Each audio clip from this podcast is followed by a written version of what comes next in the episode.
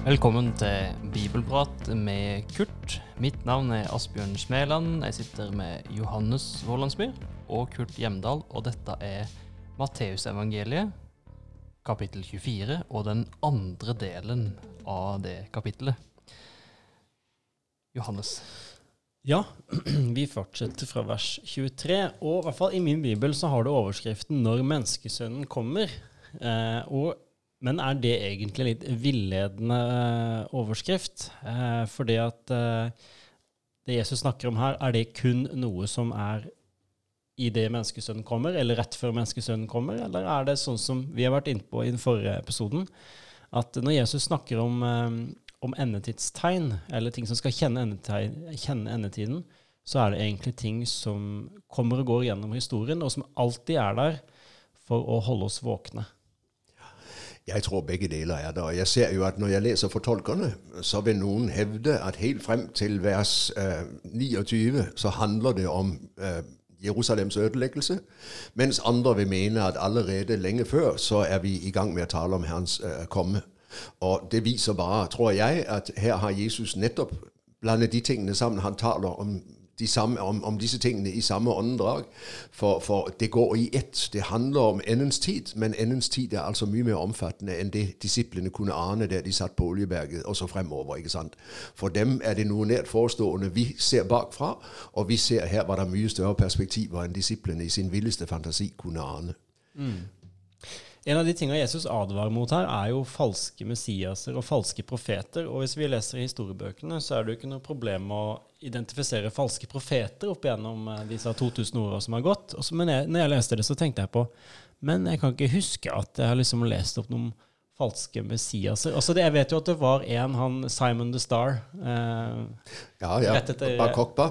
Ja. Uh, i, rett i, i, år 130. Men, men, det har vært, og særlig i jødisk historie Hvis du leser jødisk historie, så møter du en rekke falske messiaser opp igjennom. Så stadig, Også etter Jesus? Ja, ja, ja. ja. ja. Uh, så hvis du leser den jødiske historien, så vil du finne f.eks. på 1600-tallet er det en falsk messias i Øst-Europa som samler enorm oppmerksomhet. Uh, I dag har du han der Rabbi Schmertzon i New York som døde for en del år siden, men som en del jøder tror er Messias. Så, så det har vært mange falske Messiaser i historien. Men det slo meg også Kan det òg være at Jesus her mener ikke nødvendigvis at denne personen sier at han er Messias, men han opp opptrår som en slags Messias. Og da tenker jeg med en gang f.eks. på Hitler. Ja, ja. Han har et klart religiøst uttrykk og er en slags falsk Messias. Han er verdens frelser, eller Tysklands frelser. ikke sant? Og det er jo veldig interessant å tenke på at man i tyske barnehager sang bordvers med takk til Hitler for maten. ikke sant? Så han, han påkaller på en måte guddommelig tilbedelse og opptrer jo som en menneskegud. Eh, akkurat som Stalin og som Mao. Så, så, jeg tror jo at i det 20. århundre har vi glimrende eksempler på falske Messiaser også i en sånn videre forstand. Mm. Og litt i forlengelsen av det advarer egentlig Jesus her mot litt av det vi var inne på tidligere. Ikke kall noen for far, ikke kall noen for lærer. Altså denne her tendensen vår til å uh, Gud er usynlig.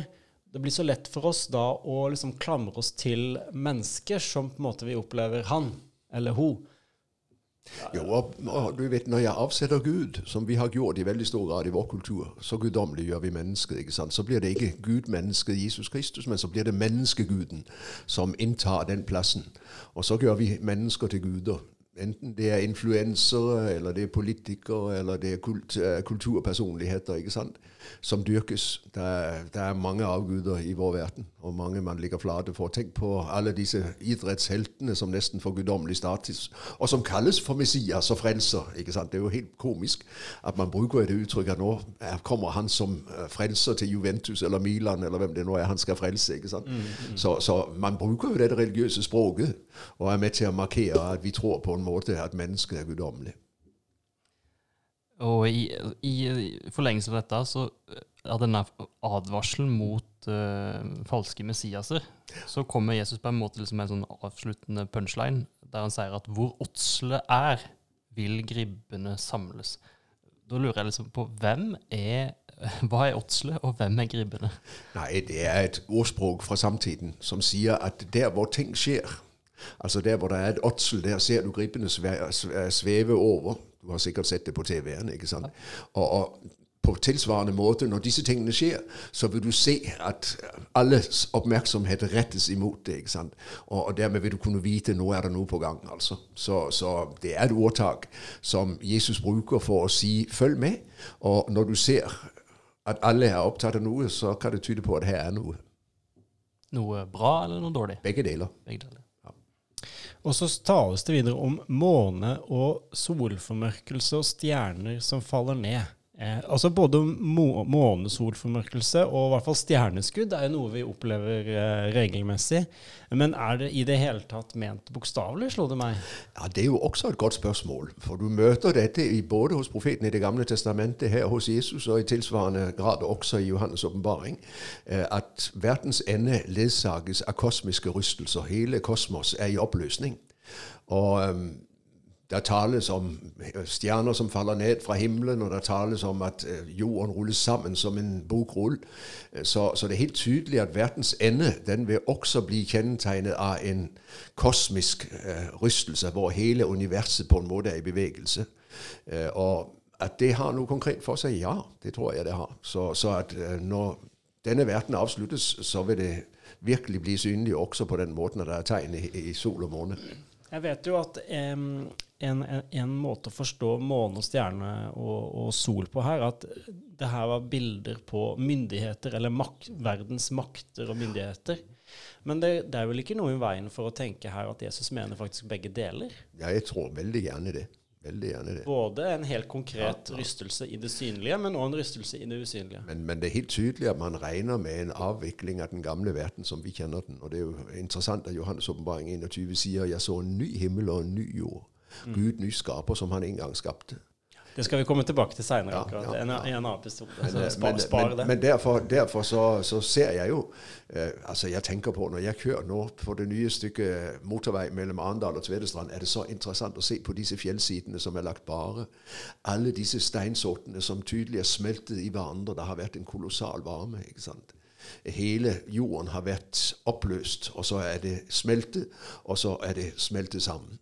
Og, og, jeg tenker noe tilsvarende. Når Herren han holder øh, dom, og den endelige avslutning kommer, så er hele universet i oppløsning og i bevegelse. Det blir veldig spennende.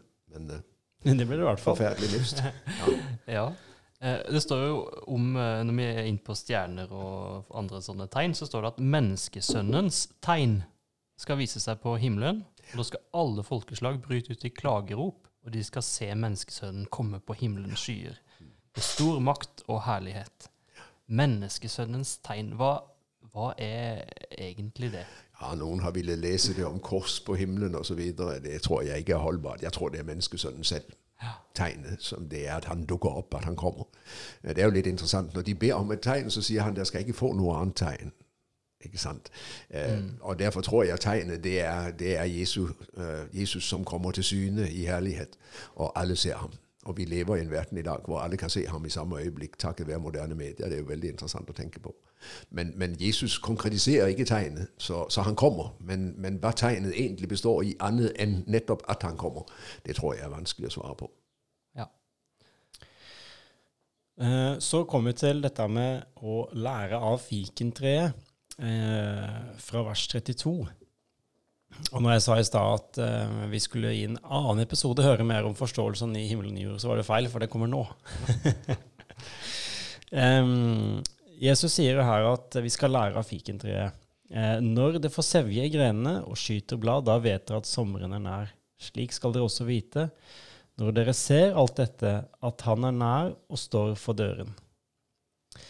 Um, igjen så kan vi jo stoppe opp med det her er egentlig Jesus sin intensjon her at eh, enhver kristen til enhver tid skal skjønne tegnene i tiden og dra konklusjonen Vet du hva, Jesus han kan komme igjen i morgen. Ja, jeg tror uh, Jesus ønsker å kalle oss våkne, og det er jo veldig interessant. Vi skal jo se det nå i kapittel, uh, slutten av kapittel 24 og kapittel 25, hvordan han hele tiden sier 'våg og be'. Ingen kjenner dagen og timen. Mm. Så, så, jeg tror Jesus ønsker at dette skal både være varslet og samtidig være såpass diffust at vi alle sammen er nødt til hele tiden å holde oss våkne, for vi vet aldri når han kommer. Tiden er ikke til å slappe av. Og i enhver tid så ser du jo noen av disse tingene som her skildres med de falske profeter, med krig og rykter om krig, og med trengsel osv. Jeg mener, det er noe som gjentar seg. Så, Mm. så jeg tror Herren med vilje sørger for å tale såpass dunkelt at vi alle sammen holdes på alerten. Vi er nødt til å følge våken med. Og, og så må vi på den ene siden se tegnene, og på den andre siden så kan vi nettopp ikke ut av tegnene avlese akkurat når han kommer. Mm. Det blir stående åpent. Og så kommer vi til et veldig vanskelig vers. Eh, vers 34. Sannelig, jeg sier dere, denne slekt skal ikke få gå før alt, alt faktisk, dette har skjedd. Nei. Eh, og da får en jo eh, det umiddelbare spørsmålet hvordan skal vi forstå ordet slekt? Ja. Og der er- ser jeg tolkerne deler seg. Noen mener at dette er en hentydning til dette med Jerusalems ødeleggelse, altså at de som satt og hørte, det er den slekt som lever da, som får oppleve Jerusalems ødeleggelse, og at det er det Jesus sikter til. Det, alt er skjedd. På den andre siden, hvis du da tenker gjenkomsten, eh, så vil andre hevde det dreier seg om jødene. Jødefolket består fortsatt. De har bestått tross alle omskiftelser, tross alle forsøk på å utrydde dem. Og, og denne slekt er altså rett og slett jødene før, denne, eh, før, før det har skjedd. Uh, jødefolket de vil bestå hele veien. Så, så jeg ser, her er det to forskjellige, og jeg syns det er et fryktelig vanskelig vers. Jeg må bare si det. Eh, for- Eller er det den vra vrange og vantro slekt? ja, ja, det kan det være. Den har jo alltid vært. men denne slekt det kan altså rett og slett være den da levende slekt. ikke sant? Der sitter disiplene. Og denne generasjonen den skal ikke være borte før dette er skjedd. Så det kan være det at trykket ligger på Jerusalems ødeleggelse, og det kan være dette at Jesus altså taler om, om jødefolket som bestående. ikke sant? Men det er et vanskelig ord, særlig i lys av at han i det neste øyeblikk sier at himmel og jord skal forgå, men mine ord skal ikke forgå. Når han taler, så taler han sant. Så dermed blir jo utfordringen hvordan skal vi da forstå vers 34? Det er klart. Og så tenkte jeg vi skulle da nettopp da stoppe opp med det her. Med hvordan forstå ny himmel og ny jord. For noen tenker jo at det er ikke så farlig om jeg eh, hiver søppel i naturen. For det at og, ja, jeg har faktisk beregna at i år 2023 så kommer Jesus tilbake. Og da skal jo han uansett ta en skikkelig opprensking, så det spiller ikke så mye rolle. Eh, og, og det er jo på en måte vers som gjør at en kan dra den konklusjonen. Men eh, nettopp det her uttrykket med ny himmel og ny jord. Nei, Men, det, eh, det kan du ikke i noe fall. For Gud har skapt oss, og han har satt oss til å forvalte skaperverket. Så lest i lys av Første Mosebok 1, så er det umulig å delta i forsøplingen uten å kjenne skyld. For, for det vi var kalt til, det var ikke overforbruk og ødelegge, men det var å forvalte skaperverket til velsignelse. Jeg tror jeg har nevnt det før, men la meg gjerne nevne det igjen. Mangfoldige år siden satt jeg på en, bibel, eh, på en elevkveld på Bibelskolen i Oslo og hørte Olav Runestad snakke om disse tingene. Og da sa han denne tid er å ligne med et slumstrøk. Strøket skal saneres, alt skal rives. Men mens vi venter på at saneringen starter, så prøver vi å gjøre slumstrøket så levelig som mulig. Og så var hans argument at nettopp derfor må vi ta vare på skaperverket, for vi skal gjøre verden så levelig som mulig med tanke på alle de som er her. Guds kjærlighet vil nå ut til mennesker, og det betyr at vi skal legge til rette for det gode liv så langt vi kan. Og Derfor tror jeg vi er nødt til å ta godt vare på den verden vi har, og så visst ikke la det skure. Vi har et klimaansvar. Naturligvis har vi det. Det jeg har lurt på her, det er om uttrykket nettopp himmel og jord kan fort misforstås. For jeg vet at i, i hebraisk kultur så brukte man ofte noe som, som jeg har lært å hete merisme. Altså at man oppgir to ytterpunkter for å angi en størrelse. F.eks. dette uttrykket med melk og honning. Melk det var det mest hverdagslige, honning det mer eks eksklusive. Altså Poenget var at landet var fullt av alt. Ja. Eh, og det samme med at ny himmel og ny jord. Altså det er høyt der oppe, det er helt der nede. Hele, hele tilværelsen. Altså alt skal bli nytt. Og det er et veldig spennende spørsmål, og jeg tror ikke vi er nødt til å velge. Jeg opplever det spennende at Jesus i Matteus 1928 sier til disiplene i verdensgjenfødelsen skal dere sitte på tolv troner. Altså apostlene skal dele Jesu herredømme i en ny verden. Men Jesus bruker uttrykket 'verdensgjenfødelsen'. Det er oversatt litt annerledes nå, men det sto det i den gamle oversettelsen. Og Det betyr den gamle verden fødes på ny. Betyr det at den gamle verden blir fullstendig borte? Eller er det en renselse, og så fremstår verden i en ny skikkelse? Og jeg tror både og. Jeg tror virkelig vi skal vandre på denne jorden, men i en fornyet skikkelse. Så jeg tror Gud nyskaper skaperverket i det han lar kosmiske uh, uh, eksplosjoner og, og, en enorm kosmisk forandring foregår. Og så er vi i den nye verden, og så oppdager vi samtidig at akkurat som du og jeg er gjenfødt, vi er de samme personer, men vi er gjenfødt ved en levende tro på Jesus, ikke sant? så skal også verden gjenfødes. Mm. Derfor skal vi på den nye jord oppleve at der vandrer en nyskapte dyr. Der er mm. nyskapte blomster. Vi er fortsatt i skaperverket. Gud har ikke angret sitt skaperverk, men han har gitt det en ny skikkelse i kraft av Jesu Kristi forløsning. Jeg tenkte litt sånn eh, flåsete om det her at uh, jeg bor jo på Hestnes nå, i Grimstad. Og så tenkte jeg det at ja, tenk om det faktisk er sånn at uh, det er denne jorda vi skal bo på, bare at den er helt fornya. Så tenkte jeg, kan jeg da bo på Hestnes der jeg bor nå? I, i det evige riket. Så kommer jeg til å tenke på ja, men det er sikkert mange generasjoner før meg som har tenkt på det samme. Så derfor, det er mange som skal krangle om den samme plassen. Og derfor, derfor, tror jeg du skal slappe helt av for det. Jeg tror ikke det problemet eksisterer. Uh, alt er nytt. Alt er annerledes. Og samtidig er det er Guds verden fortsatt. Det er Han som har nyskapt den. Uh, og vi er i en helt ny uh, tilværelse med en ny form for legemlighet. For sier Paulus i 1. kor 15. Vi er ikke jordiske legemer, vi er himmelske. Vi har fått et åndelig legeme, og det skal bli fryktelig spennende å se hva det innebærer. Jeg har prøvd å tenke meg at jeg vandrer litt mellom Mars og Saturn, og omsider får sett meg om i universet, og noen ryster på hodet og sier det går ikke an. Og jeg tenker jammen er ikke alle grenser opphevet på en måte? Vi er i en helt ny tilværelse hvor alt er, som binder oss her, tid og rom, på en måte er forandret. Vi kan ikke tenke evighet. Vi kan ikke tenke Guds nyskapelse. Men det vi kan ane, er noe fantastisk venter på oss. Noe aldeles utrolig. Og derfor gleder vi oss. Men for at det fantastiske skal vente oss, så oppfordrer, eller sier Jesus at vi må våke. Og eh, så sier han at som i Noas dager, slik skal det være eh, når menneskesønnen kommer. For tiden før storflommen spiste og drakk de, giftet seg og giftet bort. Helt til den dagen Noah gikk inn i arkenen, og de skjønte ingenting før flommen kom og tok dem alle. Slik skal det være når menneskesønnen kommer. Sånn har det vel egentlig alltid vært? Sånn har det alltid vært, og det stemmer jo det. Også i dag ser du at folk lever gladelig og, og bryr seg langsomt om det som har med Gud å gjøre. Og er opptatt med å spise og drikke og ta til ekte og gi til ekte og leve livet. Og, og ser døden i øynene og dør rolig og fredelig og, og regner ikke en døyt med at verken Gud eller dommen eller evigheten fins. Så akkurat sånn så tror jeg verden er seg selv lik til alle tider. Så da er det en oppfordring til å invitere folk som, som ja. Noah med på arken, ja, som er Jesus. Ja, ja. Helt riktig. Um, og så um, er det her spørsmålet som, uh, som jeg vet er uh, til tider veldig uh, ja, diskutert. Hvordan forstå dette her med opprykkelsen, og når skal det skje? Og i hvilken rekkefølge skjer ting? Um, og skal vi bli tatt vekk fra jorda og gå opp til Gud. Uh, sånn som uh, Jeg husker de her filmene Hva heter de? Left, left, left Behind-filmene. ja. ja. Om uh, han ene flykapteinen som forsvinner, og han andre blir sittende igjen der. Og sånne ting. Og det er jo nettopp det bildet Jesus bruker her, om at en som står og jobber på jorda, den ene blir igjen, den ene blir tatt med. Men det her er litt mer grunnleggende spørsmål. da. Skal vi bli tatt vekk fra jorda? Til et sånt eh, sjelelig, eh, materieløst eh, tilstand? Eller er det Gud som kommer ned til denne, sånn som han har gjort en gang før? Kommer ned til denne konkrete verden? Paulus sier veldig tydelig i 1. Tessaloniker 4 at Herren skal kalle de døde opp av gravene, og så skal vi som lever og blir tilbake, rykkes bort sammen med dem. La meg bare få lov å lese det for deg.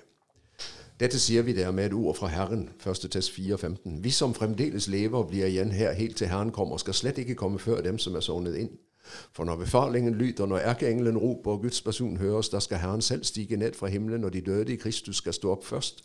Deretter skal vi som er igjen og ennå lever, bli rykket bort sammen med dem i skyene for å møte Herren i luften. Og så skal vi være sammen med Herren for alltid. I Åpenbaringen 20 møter vi dette med Satan som bindes i tusen år. Og I den sammenheng sies det noe tilsvarende som her. Eh, la meg bare få lov også å lese det for deg. Åpenbaringen 20, vers 4. Og jeg så troner, og noen satte seg på dem, og de fikk makt til å holde dom. Og jeg så sjelene til dem som var blitt halshugget pga. Jesu vitnesbyrd og Guds ord, de som ikke hadde tilbitt dyret eller dyrets bilde, og ikke tatt imot merket på pannen eller hånden, de ble levende igjen og hersket som konger sammen med Kristus i tusen år.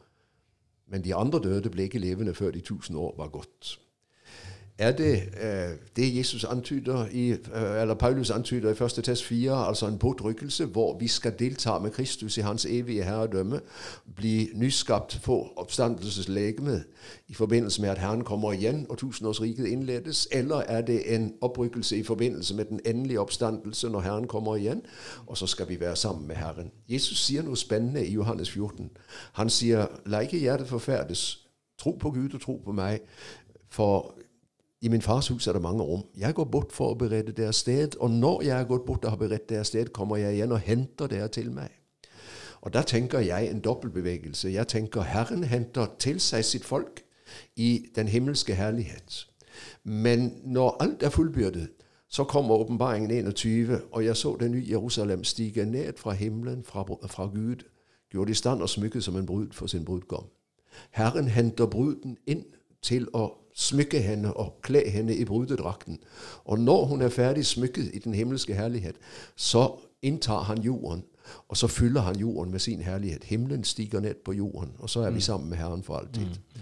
Så jeg tror både det er en oppstigning og det er en nedstigning, sånn som jeg leser Det nye testamentet. Erling Utnem, gamle biskopen i Agder, han snakket så mye om dette at vi skal ned på jorden. Ja, jeg tror faktisk det. Men vi skal først til himmelen. Mm. Han henter oss til seg. Mm. Og så er vi sammen med Herren i luften, som Paulus sier, møter ham der. Og så kommer vi tilbake på den nye jorden når vi er smykket med brudedrakten. Mm. Ja, en, eh, en, engelsk teolog som er forholdsvis kjent, han eh, Nicholas Thomas Wright, eh, altså um, N.T. Wright, han sier jo det at Eller han tar et kraftig oppgjør med den forståelsen av himmelen som er i populærkulturen, som også han mener er veldig ut, utbredt blant kristne. Og det som han sier egentlig er en platonsk virkelighetsforståelse, er at himmelen er en litt sånn materieløs, sånn sjelelig, sveve på skyer, spille på harpe-sak. Mm. Eh, eh, men han sier det at nei, det er fysisk, det er ekte kropper, det er ekte lukter, det er ekte smaker. Og det er eh, gress under tærne, det er å sette tennene i eplet. Altså alt det der. Gud har ikke gang sitt skaperverk. Og han nyskaper. Og ut fra skaperverket første gang, så aner vi hva det blir andre gang. Det blir en ny, fornyet skikkelse, en forløst skikkelse, uten synd og død. Men det er skaperverket det dreier seg om. Og derfor tror vi på legemets oppstandelse. Og grekerne, de skar tenner. De orket det ikke. Ikke at ordet var blitt kjød. Gud kunne gjerne ta bolig i et menneske, men han ble ikke et menneske. Jo, sier Johannes evangeliet. Jo, sier Paulus, vi skal være mennesker med kropp. Vi tror på legemets oppstandelse. Og det er som å banne for en greker, for han er platonist, og alt skal være åndelig og, og, og evig. Men, men, Guds ord sier skapt og nyskapt. Det gjelder fortsatt å være våken. Eh, det er jo det vi har snakka om. Um, og hvorfor er egentlig det så Det er jo et tema som ikke bare går igjen her i disse tekstene, men i hele Nytestamentet. Og så kan en lure på hvorfor er det så tale, talende bilde for uh, det kristne livet? Er det sånn at det naturlige for kristne i dag, eller, og for så vidt gjennom hele historien, er å sove sånn åndelig sett? Ja, det er den åndelige virkelighet vi lever i. Vi lever midt i togen. Vi lever midt i den verden hvor Satan er Gud. ikke sant? Vi lever midt under forførelsen. Og dermed er det å leve som kristen i denne verden alltid å leve i kamp. Og Derfor er det alltid å leve i kamp for å være våken. Ved Den hellige ånd skal vi holdes våkne, men fristelsen til å sove den er konstant. For den onde prøver hele tiden å dysse oss i søvn. Så derfor våg. Og, og med, med, søvn, og er det som menes da? Nei, ikke fysisk? Ånd, åndelig likegyldighet. Ja. Dette at man lar seg fange av synden, at man går på kompromiss med verden. At man tenker det er ikke så farlig, ikke så nøye og så gir man Gud på båten. ikke sant? Så, så vi ser det jo omkring oss, kristne mennesker som blir borte, mister troen. Hva er det for noe? Åndelig søvn. Mm. Livsfarlig. Eh, helt til slutt her så møter vi eh, Hvis jeg forstår det riktig, så er det en eh, ja, kan kanskje kalle det en oppfordring eller en advarsel til det er for så vidt til alle kristne, men kanskje spesielt til kristne ledere. Hvem er da den tro og kloke tjener som Herren hadde satt over de andre tjenerne for å gi dem mat i rett tid? Lykkelig er den tjener som Herren finner i arbeid med dette når han kommer tilbake. Sannelig sier dere, Herren skal sette ham over alt han eier. Men sett at dette er en dårlig tjener som sier til seg selv, det varer lenge før Herren min kommer, og så gir han sitt til å slå de andre tjenerne og spise og drikke sammen med drukkenbolter. Um, det er jo ikke noe problem egentlig å finne eksempler i historiebøkene med kristne ledere som måtte ha levd i sus og dus som om Gud ikke fantes, og utnytta sin posisjon og utnytta sin makt for, eh, for å berike seg selv, egentlig. Og gjort det, egentlig nettopp det Jesus sier eh, man ikke skal gjøre. Det er disiplene, det er apostlene han taler til her i kapittel 24, hvis du ser inngangen til kapittelet. Og det er helt tydelig at det er en fristelse for enhver kristen, og også for enhver kristen leder, å overta, ta seg til rette, utnytte posisjonen. Og det ser vi jo dessverre masse eksempler på i kirkehistorien, også i dagens kirke. Bare tenk på dette med seksuelle overgrep. Ledere som forgriper seg. De burde vite at dette har ingenting for seg, og så gjør de det altså likevel. Så, så eh, at dette er nødvendig å kalle oss til våkenhet omkring. Vi skal gi medtjenerne mat i rett tid. Vi skal ikke utnytte dem, men vi skal tjene dem. ikke sant? Jesus selv tjener disiplene, og vi er kalt til det samme. Mm. Og Jesus sier faktisk her at la de dele skjebne med hyklerne. Ja. Så det her er dramatisk. Ja, det er det. Ja. Dette var Matteus kapittel 24, og vi gleder oss til neste kapittel. Og da blir det snakk om å ha olje på lampa. Yes. Var det gildt å høre på denne podkasten, må du gjerne gi en gave til Nordmisjon sitt arbeid, f.eks.